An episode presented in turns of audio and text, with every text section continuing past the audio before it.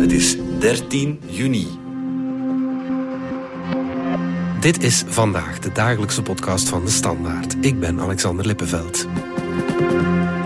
Silvio Berlusconi is dood. Hij gaat de collectieve herinnering misschien wel in als de man van de Boonga Boonga feestjes, maar hij is veel meer dan dat. Berlusconi heeft drie decennia lang zijn stempel gedrukt op de politiek in Italië en ver daarbuiten. Want zonder Berlusconi geen radicaal rechts aan de knoppen, geen Giorgia Meloni en misschien zelfs geen Donald Trump.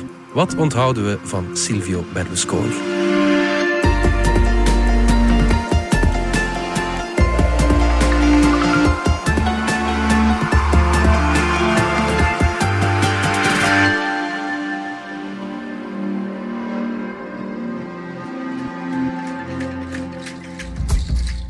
Ine Rooks, onze correspondente in Italië, Silvio Berlusconi, is gestorven. Ik kan me inbeelden dat uh, zijn in memoriam bij de Italiaanse kranten al uh, een tijdje klaar lag. Hè?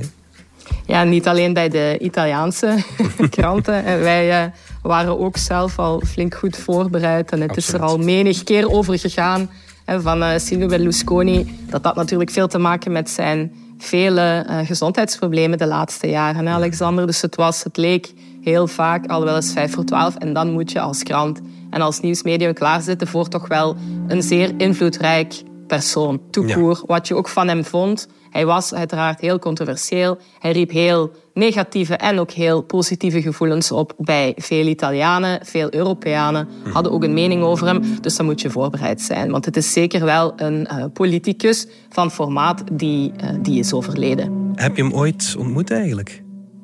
Ik, uh, ik heb hem nooit ontmoet. Ik heb nooit het genoegen gehad. Ik uh, had dat wel graag gedaan en ook uh, zou graag zijn aangeschoven voor een interview. Hoewel de man zich niet makkelijk liet interviewen. Maar ik herinner me wel ja, dat ik hem eigenlijk al volg zolang hij in de politiek zat. Ik herinner me dat ik nog een student Italiaans was in Antwerpen toen zijn eerste regering viel. Hm. En dat we een docent Italiaans hadden die daarvoor een speciale cursus een speciaal college bijeenriep om half acht s avonds. En ik vond dat geweldig. Ja. Heel wat van mijn medestudenten niet, maar ik denk wel dat ik toen daar een beetje journalist ben geworden. Ja. Hoe wordt er op zijn overlijden gereageerd in Italië? Wel, Silvio Berlusconi was, uh, daar, daar, vertel ik niks nieuws mee, een zeer controversieel figuur. Dus mensen reageren uiteenlopend. Mm Bijvoorbeeld als je gaat naar eh, zijn absolute medestanders, dan, kan je bijvoorbeeld gaan naar een website als Il Giornale, de rechtse krant die heel lang in uh, de spreekbus is geweest van de, van de familie Berlusconi en heel lang in handen is geweest en geleid door uh, Paolo Berlusconi, broer van de pas overleden oud-premier. Ja, daarop wordt hij begraven als een staatsman, een man die de geschiedenis van naoorlogs Italië mee vorm heeft gegeven, de hedendaagse moderne politiek um, op de kaart heeft gezet. Dat is wat je zou verwachten. Mhm. Maar het valt me toch ook wel op dat uh, als je kijkt naar politieke reacties uh, van zijn absolute tegenstanders, en ik denk dan aan de centrum-linkse Partito Democratico, de oppositiepartij, mm uh, die altijd een luizende bels is geweest. Er zijn altijd um, heel negatieve gevoelens in beide richtingen geweest. Ja, daar zie je nu wel in eerste instantie een erkenning van het feit dat hij een belangrijk uh, politicus is geweest in de hedendaagse, in de Italiaanse politiek. En daar wordt nu niet met modder gegooid. Dat is volgens veel Italianen die officiële rollen bekleden dan niet het moment. Dus dat zie ik hier overheerst ja, toch enigszins enige ingetogenheid. Um, ook bij zijn absolute politieke vijanden. Mm -hmm. Laten we eens kijken naar het leven van de man. Hè. Hoe heeft Italië Berlusconi leren kennen? Ah ja, uh, via de televisie. Ja. Hè? Italië was een ongelooflijk uh, televisieminnend land met urenlange kijkcijfers per dag.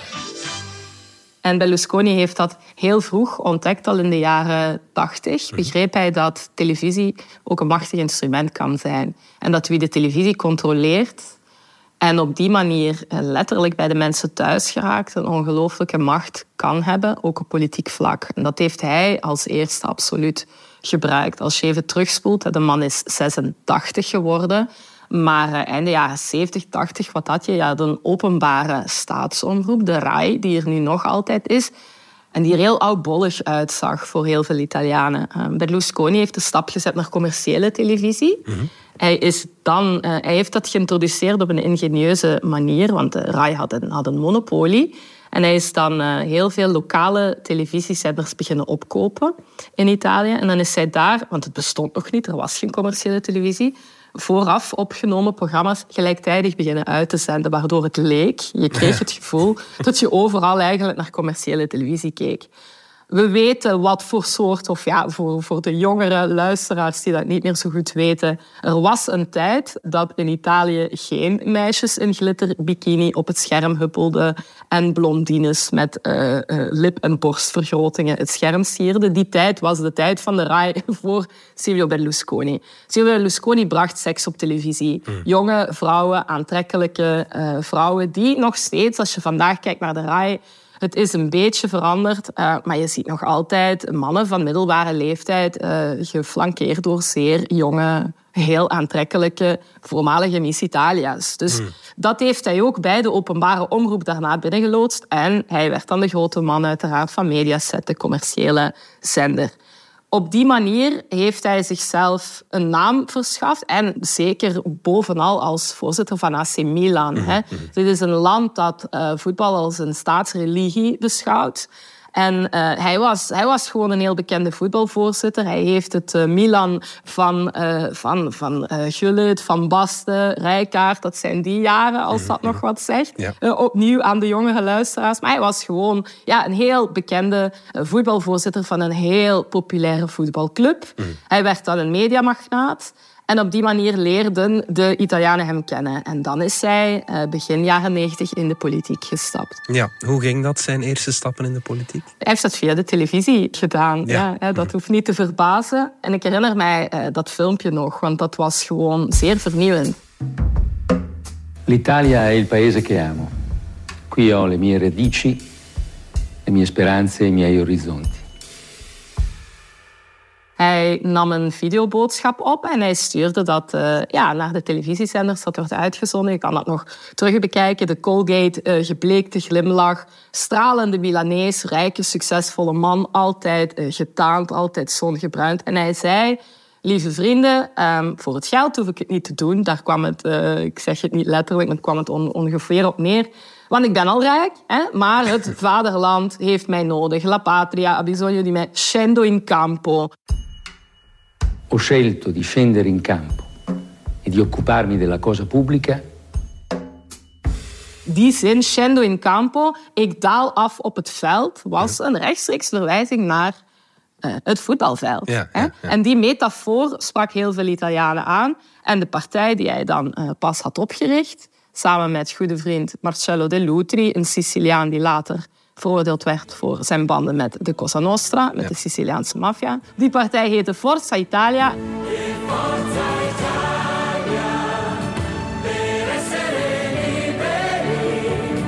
En dat zou je kunnen vertalen als... Uh, stel dat dat in België een partij was, uh, Go Devils Go. Hup, Rode Duivels. Dus dat was Forza Italia, een vaderlandslievende slogan waar nu ook eigenlijk Giorgia Meloni, de huidige premier, veel van heeft afgekeken. Hè. Dus Fratelli d'Italia, Broeders van Italië, is de eerste zin van het Italiaanse volkslied. Dus heel nationalistische uitspraak. Maar wat Berlusconi deed, was naar voetbal verwijzen dat was belangrijk, omdat uh, het 1992, 93 was een uh, ongelooflijk belangrijk tijdperk voor Italië. Mhm. Operatie Schone Handen, Manipulite, had net, dat was een groot uh, onderzoek geweest van de rechtbank in Milaan met verstrekkende gevolgen, dat heel veel politieke corruptie had blootgelegd. Hè. Politici, zakenlui hadden heel veel smeergeld aangenomen. Berlusconi kwam vlak daarna op een heel belangrijk moment, op het moment dat de Italianen de traditionele partijpolitiek hadden uitgekotst. Dus de traditionele partijen waren ineengestuikt. En dan komt Berlusconi die zegt, ik ga iets helemaal anders doen. Ik sta niet dicht bij die typische uh, partijpolitiek, wat wel in feite zo was, maar goed, een leugentje om best wel. En daarmee won hij, zonder veel uh, poeha, enkele maanden later gewoon de verkiezingen. En hij werd premier uit het niets. Dankzij geld, televisie en nationale bekendheid. En daarover zegt, en dat vind ik wel een heel mooie quote om dat enigszins te begrijpen, want we hebben het toch ja, over het recente verleden, maar toch. Alexander Stille is een, uh, een Amerikaanse journalist die een, uh, een zeer mooie en sterke biografie van uh, Silvio Berlusconi heeft geschreven. Met ook die Amerikaanse blik, die wel uh, niet onbelangrijk is in deze. Want ik vind Silvio Berlusconi voor een stuk echt een Amerikaans politicus en een Trump avant la lettre. Mm -hmm. En Alexander Stille zegt, het verhaal van Berlusconi vat je eigenlijk samen door uh, ja, te kijken naar wat er gebeurt als media, geld en politiek hun krachten bundelen in een samenleving met nagenoeg geen regels. Ja. En dat zegt wel heel veel eigenlijk. Zo is Berlusconi Berlusconi geworden en uh, viermaal premier van Italië. Ja, viermaal inderdaad. Acht jaar lang uh, heeft zijn stempel wel echt stevig uh, kunnen drukken op het land. Hè. Precies, ja. ja. En niet alleen die regeerperiodes zijn belangrijk, ook die continuïteit. Hè. Dus ja. de eerste keer was 1994, de laatste keer in de schuldencrisis is hem die te veel geworden in 2011. Dus daar gaat inderdaad, daar gaan decennia over, maar ook voor en na. We moeten het niet alleen hebben over die tijd als regeringsleider. Ook als oppositieleider speelde hij uiteraard een heel belangrijke rol. Als mediamagnaat, als ook ja, iemand die toen hij geen premier meer was, ook die commerciële televisie bleef domineren. Dus ook toen hij geen premier was, was hij altijd wel ergens. Een paar jaar geleden. Vond ik dat gewoon nog verbazingwekkend. Ver in de tachtig, je hoorde hem gewoon nog, nog eigenlijk voortdurend ook als analist op de radio in Italië. Dus hij was niet weg tot, tot gisteren. Als we aan Berlusconi denken, dan denken we aan die boonga boonga feestjes, aan voetbal, aan tv, de dingen die je al zei. Maar wat heeft hij nu, ja, politiek, wat heeft hij beleidsmatig eigenlijk betekend? Hij voerde een rechtsliberaal beleid, zei hij daar zelf over. Het uh, is iemand die natuurlijk vanuit de zakenwereld in de politiek is gestapt. Dus zaken voeren uh, was heel belangrijk voor hem. Een ondernemersklimaat creëren dat gunstig was. Dat is altijd een beetje waar Forza Italië voor heeft gestaan. Ja? Je hoort me al komen. Wat het heel vaak is geworden, of zeg maar uh, altijd in die vier regeerperiodes van Berlusconi, is dat hij zijn eigen belang en dat van zijn bedrijven voorop stelde op het algemene belang, wat normaal gezien een verkozen regeringsleider behoort te doen. Hij is berucht geworden voor zijn uh, ad personam wetten, dus wetten die op zijn maat en op de maat van zijn bedrijf werden geschreven.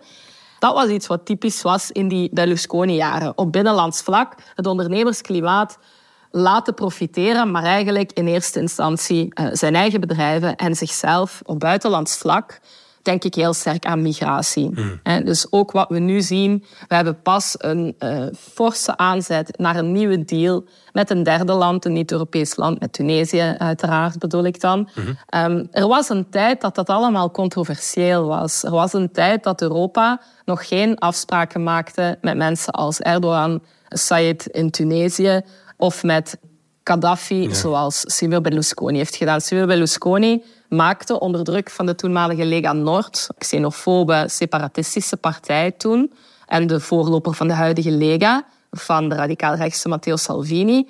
Toen in die jaren, eh, 2008, maakte Berlusconi al een akkoord. Hij sloot dat met Muammar Gaddafi hmm. om bootvluchtelingen te kunnen onderscheppen, een volle zee, en terug te sturen naar Libië, een land dat toen ook al een zeer beruchte reputatie had in zaken mensenrechten en geen enkele vorm van een asielbeleid of asielwetten kende. Dat was Berlusconi. Ja. Hij nam de Lega aan boord, hij nam de voorlopers van Giorgia Meloni's Broeders van Italië-partij aan boord en hij maakte radicaal rechts mainstream en ja. aanvaardbaar. Mm. Dat is een beetje wat hij op politiek vlak deed. Dus ja, beleidspunten kunnen daaraan worden afgeleid. Maar dus migratie is iets wat ik heel sterk met hem zou associëren, ja. Mm. En hij vond het dus al lang voordat de rest van Europa dat eigenlijk ook uh, aanvaardbaar begon te, te vinden, toch, toch de Europese leiders lijkt het zo, sloot hij al erg controversiële migratieakkoorden met landen buiten Europa. Ja. Ja, ja, ja. Zijn laatste wapenfeit was eigenlijk het installeren van de regering van Giorgia Meloni. Hij is daar de kleinste partij, maar zonder hem hadden ze het niet kunnen doen. Is het door hem dat Italië nu een uiterst rechtse regering heeft? Het is een complexe vraag. Daar hou ik wel van. Ja. uh, het is niet één factor alleen. Het is een beetje van alles. Het is een heel duaal land. Italië is niet alleen maar zeer rechts. Heeft ook een heel linkse onderbuik. Het is een beetje van alles. Zit Meloni daar dankzij Berlusconi? Wel, het is Giorgia Meloni die een sterke oppositie heeft gevoerd tijdens de regeerperiode van Mario Draghi. En Giorgia Meloni die de verkiezingen won. Ja? Dus zij won en daarom is zij premier geworden in dat centrumrechtse blok. Absoluut, die coalitie die voor de verkiezingen werd gevormd en die eigenlijk al decennia oud is en waarvan Silvio Berlusconi de architect is. Dat is zeker waar. Dus er is een politieke evolutie geweest waarbij Berlusconi een nieuwe partij die uit het niets schijnbaar ontstaat begin jaren 90 opricht en een uh, alliantie sluit met de Lega Nord destijds. En met Allianza Nazionale, Nationale Alliantie, de voorloper van tijd van Giorgio Meloni vandaag.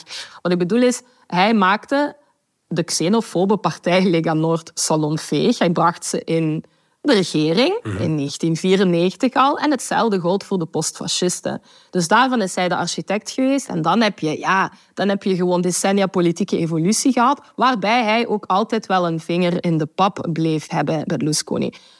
Meloni is daar ook mede een, een gevolg van. Meloni heeft ook zelf de verkiezingen gewonnen. Dus hij speelde zeker een belangrijke rol. Maar vooral ook omdat hij tijdens die regeringsvorming ook nog heeft liggen poken.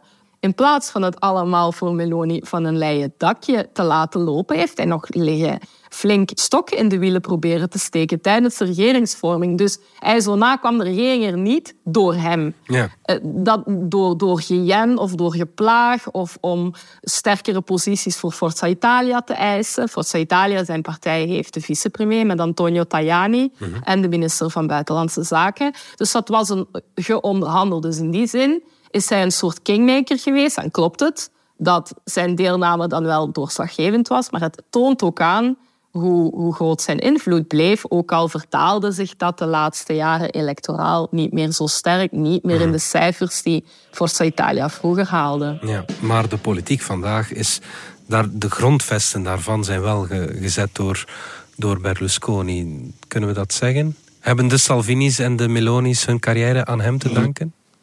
De manier van communiceren, een populistische manier van communiceren, populistisch dan zonder daar een waardeoordeel aan te hechten, maar de taal van het volk, hè, van il popolo te spreken. Dat is zeker iets dat Berlusconi is beginnen doen. Ja. Dus weer via die televisie, via de taal van het voetbal, een ongelooflijk goed gevonden campagne zet natuurlijk. Straks kijken we verder naar eh, het leven van Berlusconi, maar eerst gaan we er even uit voor reclame.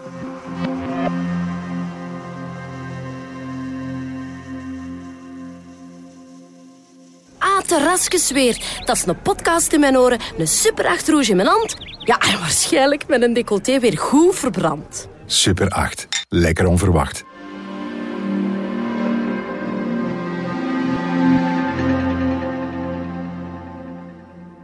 Ine, terug naar jou dan. Er is iemand aan de overkant van de oceaan die wel heel goed gekeken heeft naar eh, Berlusconi. Ja, dat vind, dat vind ik wel, ja. En ik herinner me dat ik in 2016 naar de Republikeinse conventie ging. In Cleveland, Ohio, namens de krant. Hartje zomer en Donald Trump zou daar genomineerd worden als presidentskandidaat van de Republikeinen. En inmiddels maken veel mensen uiteraard de vergelijking Trump-Berlusconi. Ik zeg ook niet dat ik die uitgevonden of bedacht heb. Maar de vergelijking wordt vaak gemaakt in volgens mij ogenschijnlijke oppervlakkige termen. In de zin van hè, de dingen die voor de hand spreken, meerdere huwelijken, veel vrouwenproblemen, veel minnaressen, eh, televisie, heel witte Ja. tanden, oké, ander, ander kapsel, immobiliën, imperium, de macht en de kracht van televisie kennen en van reality television, dat soort figuren. Hè, dat zijn ze allebei. Het is hetzelfde soort op dat vlak persoonlijkheid. Maar het was echt in Cleveland, in, in Amerika, dat door met Trump-aanhangers te praten en hen te vragen naar hun argumenten, waarom Trump, dat ik ineens een déjà vu of een, of een déjà lu kreeg. Eh, waar heb ik dit al allemaal eens eerder gehoord of gelezen? En dat was in Italië. Ik besefte toen, de redenering van de fans is dezelfde. Ik hoorde bijvoorbeeld in Amerika, hij moet niet in de politiek stappen beca- because he is already rich. Dus hij zal niet van ons stelen. Ja, eh, daar zullen ze misschien ondertussen na iets te hebben gelezen over, over Trump en Deutsche Bank en hoe het allemaal liep, iets anders over zeggen. Maar dat werd ook over Berlusconi gezegd. Hij gaat zich niet verrijken, want hij is al rijk. En dus toen dacht ik, ja, wacht eens, er zijn toch wel vergelijkingen te trekken. En als we kijken naar hoe Berlusconi hier in Italië dan radicaal rechts of uiterst rechts of extreem rechts, hoe dat, hè, er zijn allemaal soms sluwe lijnen. Maar hoe hij hen mee in het politieke bad trok en in de regering, ja, je kan ook over... Uh, Trump heeft ook ontegensprekelijk welk label we dan op uh, die Amerikaanse strekkingen willen, willen plaatsen. Maar hij heeft absoluut ook de Republikeinse partij naar rechts tot uiterst rechts geduwd. Hè? Mhm, mhm. Dus er zijn vergelijkingen te maken ook aan de manieren waarop ze de democratie proberen te ondermijnen. Eh, Trump beschouwde het Witte Huis eigenlijk als een persoonlijke speeltuin om te doen wat hij besliste voor zichzelf. Ja, dat is iets wat Berlusconi in uh, Palazzo Chigi hier in Rome ook deed. Er zijn wel grote verschillen. Berlusconi heeft nooit zijn aanhangers tenminste opgeroepen om het parlement hier in Rome te bestormen. Ja, dat dan ja, weer niet. Ja, inderdaad. Nog een vergelijking is dat ze allebei wel uh, ja, een hele batterij advocaten uh, nodig hebben of gehad hebben. Hè? Absoluut. In het geval van Berlusconi was dat een voetbalploeg. Hè? Dus uh, hij noemde zichzelf ooit de meest vervolgde politicus. ik weet het niet wat het dan was van West-Europa of zo. En dat was, hij deed dat af als een grote samenzwering tegen hem. Politieke inmenging rode toga's. Ja, dat doen politici soms als ze zich in het nauw eh, gedreven voelen. En niet alleen in Italië. Dus ja, eh, de man eh, werd achtervolgd door schandalen. Maar hij had dan ook steengoede advocaten. Had zelf rechten gestudeerd. Die heel wat zaken zo lang wisten te trekken dat ze in hoger beroep verjaarden. En hij heeft ook wel heel wat vrijspraken gekregen. Mhm. Dus je dan denkt aan het grootste schandaal. Ja, we weten natuurlijk nog, uh, nog heel goed van die zogenaamd tussen grote aanleidingstekens elegante dineetjes met een streepje muziek en lekker eten en wijn. Boonga boonga feestjes die door de mensen die er wel aan hebben deelgenomen toch wel werden omschreven voor wat ze echt waren. Uh, orgieën, seksfeestjes. Hè? Um, daarmee wordt hij natuurlijk ook flink geassocieerd ja, wat daar het meeste aan bleef kleven van al die schandalen was toch wel Ruby. Hè? Uh, Karima El Marouk, Marokkaanse showgirl uh, slash uh, prostituee die minderjarig was toen ze eraan deelnam. Het is nooit bewezen dat Silvio Berlusconi wist dat Ruby minderjarig was op dat moment van de feiten. Mogelijk heeft hij ook niet haar identiteitskaart gevraagd, Alexander, maar wat in die zaak nog zwaarder woog bij Ruby was dat Ruby op een bepaald moment voor diefstal is opgepakt en dat Berlusconi toen zijn macht heeft gebruikt om de politie onder heel zware druk te zetten, om haar vrij te laten. Zeggende dat Ruby het nichtje was van Hosni Mubarak, toen nog de president van Egypte. Mhm. En dat Ruby, de Marokkaanse shoplifter, de Marokkaanse winkeldivegge slash uh, showgirl, een diplomatiek incident met Egypte zou kunnen veroorzaken. Dat was buitensporig en daar heeft het gerecht toen nog zwaarder aan getild, hè, aan, een, aan die vorm van machtsmisbruik. Toen heeft Berlusconi, want het schandalige van dat verhaal houdt niet op, toen heeft Berlusconi ook nog zijn macht in het parlement gebruikt om de parlementsleden een motie te laten stemmen en goedkeuren dat Berlusconi echt dacht dat Ruby het nichtje van Hosni Mubarak was. Ik herinner me ook nog dat de oppositie toen... Ja, de oppositie stond daar gewoon uh, te roepen en te schreeuwen. En op dat moment leed uh, de democratie uh, absoluut een zware nederlaag hier in Italië. Tot slot, Ine, wat betekent dit nu voor de regering van Meloni zelf? Is ze nu haar politieke schoonvader, zeg maar? Is ze die nu kwijt? Ja, Berlusconi heeft uh, heel lang... Velen hebben uh, proberen te dingen naar zijn hand om kroonprins te worden van, van rechts uh, in Italië. Verschillende mannen, ik ga ze niet allemaal opnoemen, hebben hun tanden daar stuk op gebeten. Maar ja, uiteindelijk, wie is erfgenaam op rechts in Italië? Dat is geen partijgenoot van Silvio Berlusconi, maar dat is wel eigenlijk de facto Giorgia Meloni. Mhm. Want zij is de nieuwe rechtse, zeer rechtse premier van Italië. Die coalitie houdt stand. Hè. Dus Forza Italia kan me niet voorstellen dat zij nu, hoewel ze hun historische leiderfiguur verliezen, dat zij uit de regering stappen. Die regering hangt vooralsnog solide aan elkaar vast. Maar het klopt wel, ja, dat de man die altijd meekeek, uh, ten goede en ten kwade over de schouders van Giorgia Meloni, nu wegvalt. Mm hè? Dus uiteindelijk, ja, ze is in diepe rouw, zegt ze wel. Maar politiek gezien was zij toch ook wel met momenten een blok aan haar been. Zeker uh, in zaken de oorlog uh, Rusland-Oekraïne, mm. Alexander. Want ja, daar heeft Berlusconi als de oude politieke en persoonlijke vriend van Vladimir Poetin toch ook wel een, uh, zelfs tot ver in deze oorlog, een vuile rol in gespeeld door de Italiaanse regering die zeer sterk op die pro-Europese en pro-Westerse lijn wil staan. Ja, door die regering te ondermijnen, door dingen te zeggen als ik vind Zelensky toch een twijfelachtig figuur. Ik zou, als ik nog premier was geweest van Italië, nooit met hem zijn gaan praten. Vladimir Poetin wilde eigenlijk een kleine interventie doen in Kiev en daar persone per bene mensen installeren. Uh, tot uh, nog zeer recent eigenlijk uh, een uitwisseling van cadeautjes. Hè? Ja. hij zou dan een verjaardagsgeschenk hebben gekregen en naar Poetin ook flessen Lambrusco-wijn hebben gestuurd enzovoort. Dat was, ja, dan stond wel de Italiaanse regering als bondgenoot van het Westen, als NAVO-lid, als EU-stichtend lid, met de broek op de knieën. ik kan me voorstellen dat Berlusconi, dat Berlusconi's vertrek, zijn dood nu, met Meloni op dat vlak alleszins opgelucht doet ademhalen dat die stoorfactor in zaken Rusland-Oekraïne er niet meer is. Mm. Ine Rooks, dankjewel. Graag gedaan.